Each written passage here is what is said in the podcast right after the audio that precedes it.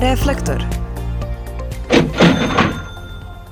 Ne tako davno ovaj zvuk čuo se u svakoj prodavnici. Označavao je završetak kupovine i plaćanje na blagajni. Kroz godine, kako to već vreme i pravila nalažu, trgovina se menjala i prilagođavala tehnologiji i razvoju društva. Menjao se izgled i veličina prodavnice, raznovrsnost proizvoda, način poslovanja, odnos prema kupcima ali jedno je ostajalo isto. Da bi se nešto kupilo, jedini način je bio da se ode do prodavnice. I tako sve do 1995. godine kada je u Americi osnovan Amazon, prva elektronska prodavnica u svetu. Bio je to početak e-trgovine koja od tada beleži samo rast.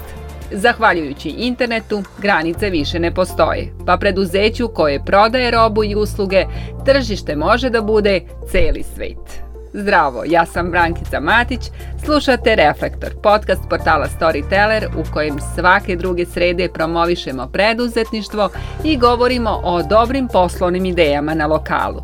U ovoj epizodi pitamo da li se prodaje i kupovina sele na internet.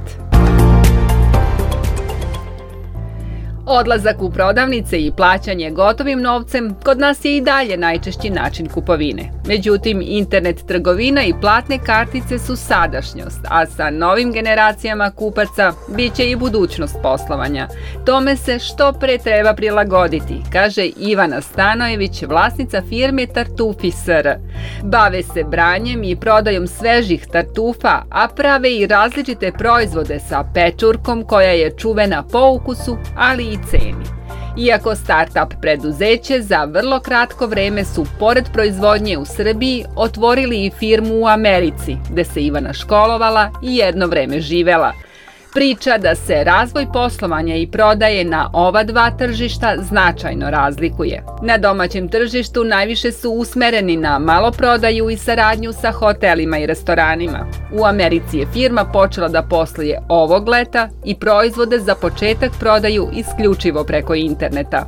U Americi smo već na Amazonu, Etsy-u, na raznim gore poznatim platformama i sada ulazimo na njihovu platformu hrane Walmart. Um, svest u Americi što se tiče e-commerce na zavidnom nivou zato što ljudi nemaju vremena da idu u prodavnicu, ne žele da gube vreme za takve stvari, zato što kod njih kurirske službe rade 24-7.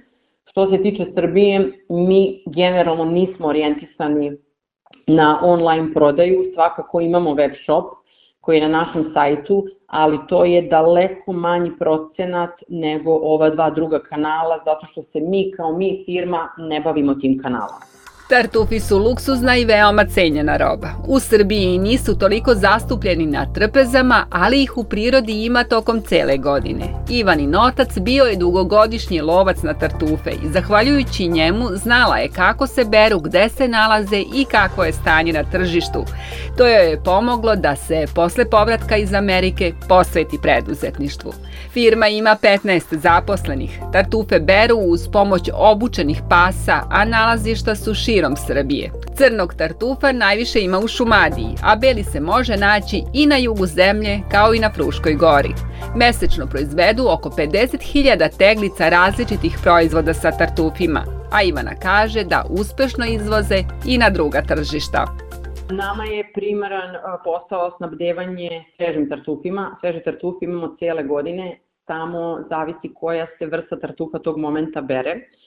Što se tiče e, proizvoda sa tartufima, snabdevamo tri kanala, retail, horeku i e-commerce i samim time to zahtjeva različite ambalaže. Imamo trenutno preko 20 proizvoda, e, maslinovo ulje sa tartufima, morska so, gotovi sosevi sa tartufima, malina sa tartufima, kajsija, e, balzamiko, svašta nešto, ali sve je u osnovi sa tartufima. Mi već izvozimo za Arabske Emirate, e, Kanadu, evo sad je otišla roba iz Sidney. Mi radimo i druga tržišta, ali trenutno najveća energija, fokus i investicija je u našoj firmi koja se nalazi u Bostonu. Početak pandemije koronavirusa uticao je na direktnu prodaju proizvoda, pa su priča Ivana rešenje pronašli u otvaranju web shopa. To je bio način da se brzo prilagode novim uslovima na tržištu kako bi proizvodi kupcima i dalje bili dostupni. Pored vlastite internet prodavnice, proizvodi sa etiketom Tartufi SR prodaju se i na domaćim platformama za online trgovinu. Ivana kaže da za sada nisu u velikoj meri posvećeni razvoju prodaje preko interneta, ali će svakako pratiti potrebe i zahteve kupaca. Apsolutno, zato što morate da sluškujete tržište. Vi ste tu zbog potrošača, a nisu potrošači ovde zbog vas. Vi morate svakog momenta da osluškujete tržište i da vidite koji su to noviteti. Ako se ne bavite promenama, ako ne reagujete brzo, jako brzo ćete sa tržišta i nestati. Iako smo mi načelno start-up firma koja je na tržištu svega par godina i bukvalno ceo proces radimo od šume do tanjira, ali to se sve jako brzo menja. U protekloj deceniji broj onih koji su kupovali preko interneta bio je u stalnom porastu, ali najveći rast elektronske trgovine u čitavom svetu pa i kod nas zabeležen je 2020. godine, kada je koronavirus izmenio do tadašnje navike i ponašanje kupaca. Tada je u nekim oblastima internet prodaja porasla za čak 300%, kaže Uglješa Marjanović, profesor na Fakultetu tehničkih nauka u Novom Sadu. Veruje da će se taj trend samo nastaviti, jer je novim generacijama internet sastavni deo života i rada, a na toj informaciji preduzeća mogu da zasnivaju svoj dalji razvoj. Možda bi trebalo krenuti od boljeg shvatanja značenja i značaja internet trgovine, koja obuhvata mnogo više od jednostavne kupovine određenog proizvoda. Pa, ako pogledamo definiciju elektronske trgovine, ona kaže da je to upotreba interneta za izvršenje poslovnih transakcija. U ovom smislu transakcija može biti ta kupovina, kao što ste rekli, znači da jedan kupac kaže, evo ja mogu da poručim sebi neku garderobu ili neku kozmetiku ili neku dobru knjigu, definitivno mogu da kupim i avion, avionsku kartu ili da rezervišem neki hotel, ali i ako pogledamo mnogo veći prostor jeste takozvan prostor između, odnos između dva, e, dva, dve firme ili dva preduzeća, takozvana business to business transakcije koje se dešavaju. Nije to samo prodaja, ako pričamo o elektronskoj trgovini, definitivno tu pričamo i o reklamiranju, danas društveni mediji dominiraju tome, pa onda sama reklama koju možemo da ponudimo ili kupimo na internetu je deo e-trgovine, onda imate različite uh, opcije recimo sajtova gde vas uslovljavaju sa određenim članarinama, jel tako, gde mi možemo da platimo neku članarinu da bi dobili neku uslugu. E onda imate jako mnogo uh, platformi koje vam nude opcije E, e, kao osnovna varijanta gde je sve besplatno, a onda imate i premium usluge gde dobijate možda recimo neki brži protok, e, bolje performanse za različite usluge. Razvoj e-trgovine kod nas je još u ranoj fazi. To znači da prihodi koji se ostvaraju kroz ovaj vid poslovanja imaju veliki potencijal za rast. Ako preduzetnicima ovo nije dovoljno dobar motiv da se okrenu razvoju trgovine na internetu, onda treba pomenuti i druge prednosti. Elektronska trgovina je jeftiniji način prodaje, jer se smanjuju troškovi zakupa, režije, pa i zaposlenih, kaže profesor Uglješa Marjanović. Mi na prvom mestu imamo tako da je to poslovanje bez nekih granica. Danas, ako otvorimo uh, neku uh, e-prodavnicu na internetu u Srbiji, mi možemo da imamo kupce cirom sveta. Mi imamo preko, uh, sad to su neke različite cifre, ali preko 2, 2 milijarde ljudi koristi internet svakodnevno. Znači oni nam postaju potencijalni kupci. Da li oni mogu da dođu kod nas svi? Pa naravno da ne. Uh, tu su nam potrebne različite kampanje, marketičke kampanje kako bi bili prisutni na internetu i tako dalje.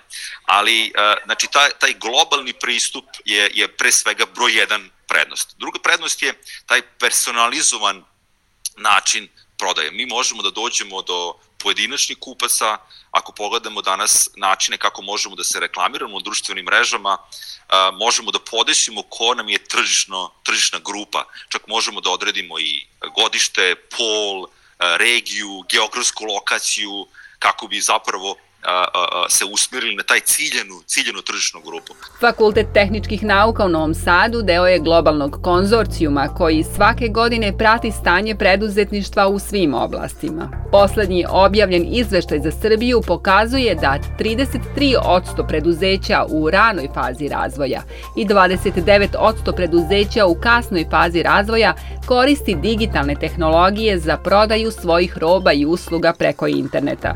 Za brži razvoj internet trgovine kod nas potrebna je veća informatička pismenost, smatra profesor Marjanović.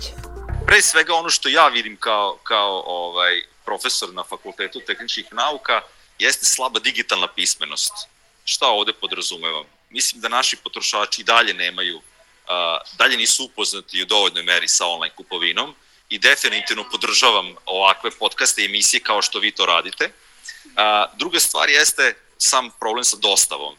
E, dostava i dalje, te kurirske službe i dalje ne nude najbolje rešenja za naše, naše prodavce i iz tog tu možemo da, da vidimo da ima dosta kašnjenja, nekada čak ti prodavci će nešto prodati iako nemaju na lageru, pa onda na taj način dolazi do nezadovoljstva sami kupaca i onda se zbog toga oni ne odlučuju da to rade. Ako neko pomisli da je dovoljno samo postaviti internet prodavnicu i novac je već tu, u velikoj je zabludi. Posao tek tada počinje. Preduzetnici koji odluče da razvijaju ovaj kanal prodaje morat će da planiraju i postavljaju ciljeve. Koliki i kakav posao ih očekuje zavisit će od vrste i količine robe koju prodaju, kaže Ivan Minić, konsultant za razvoj poslovanja i autor i voditelj podcasta o preduzetništvu Pojačalo svakako nije trivialna stvar i nije dovoljno da samo napravite shop i nakon toga se sve dešava samo od sebe. Dolazit će upiti, ljudi će očekivati da kada završe kupovinu na shopu dobiju brzo informaciju o tome kada će im paket biti dostavljen, da dobiju možda i kod za praćenje paketa i sve one slične stvari koje ako niste veliki sistem pa imate sve uvezano i automatizovano, neko mora ručno da pošalje. Znači, neko mora time da se bavi, to nije samo jednokratna stvar.